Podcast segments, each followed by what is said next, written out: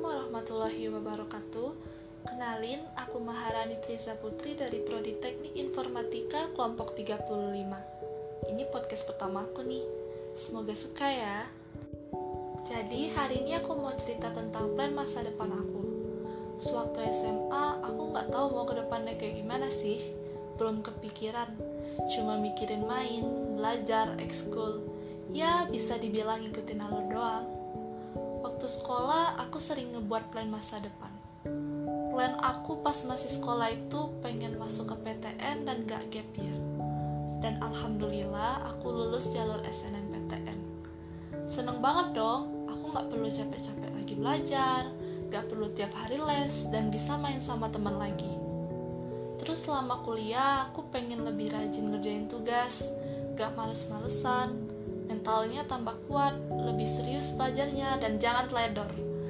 Sering-sering nabung, ntar kalau kuliahnya offline, berarti aku harus perantau, gak boleh boros-boros dong. Cepat lulus dan dapat gelar sarjana, amin. Abis lulus, aku mau lanjut S2 dulu. Setelah itu, langsung lanjutnya di kerjaan. Semoga cepat dapat kerjaan lah ya, amin mungkin setelah kerja sudah berpenghasilan baru deh nikah. Kalau ada jodohnya ya.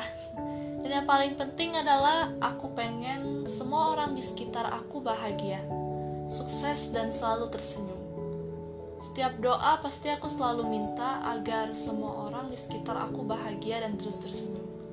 Mungkin agak aneh sih tapi setiap orang di sekitar tersenyum itu kayak kebahagiaan sendiri buat aku dan kalian juga pastinya.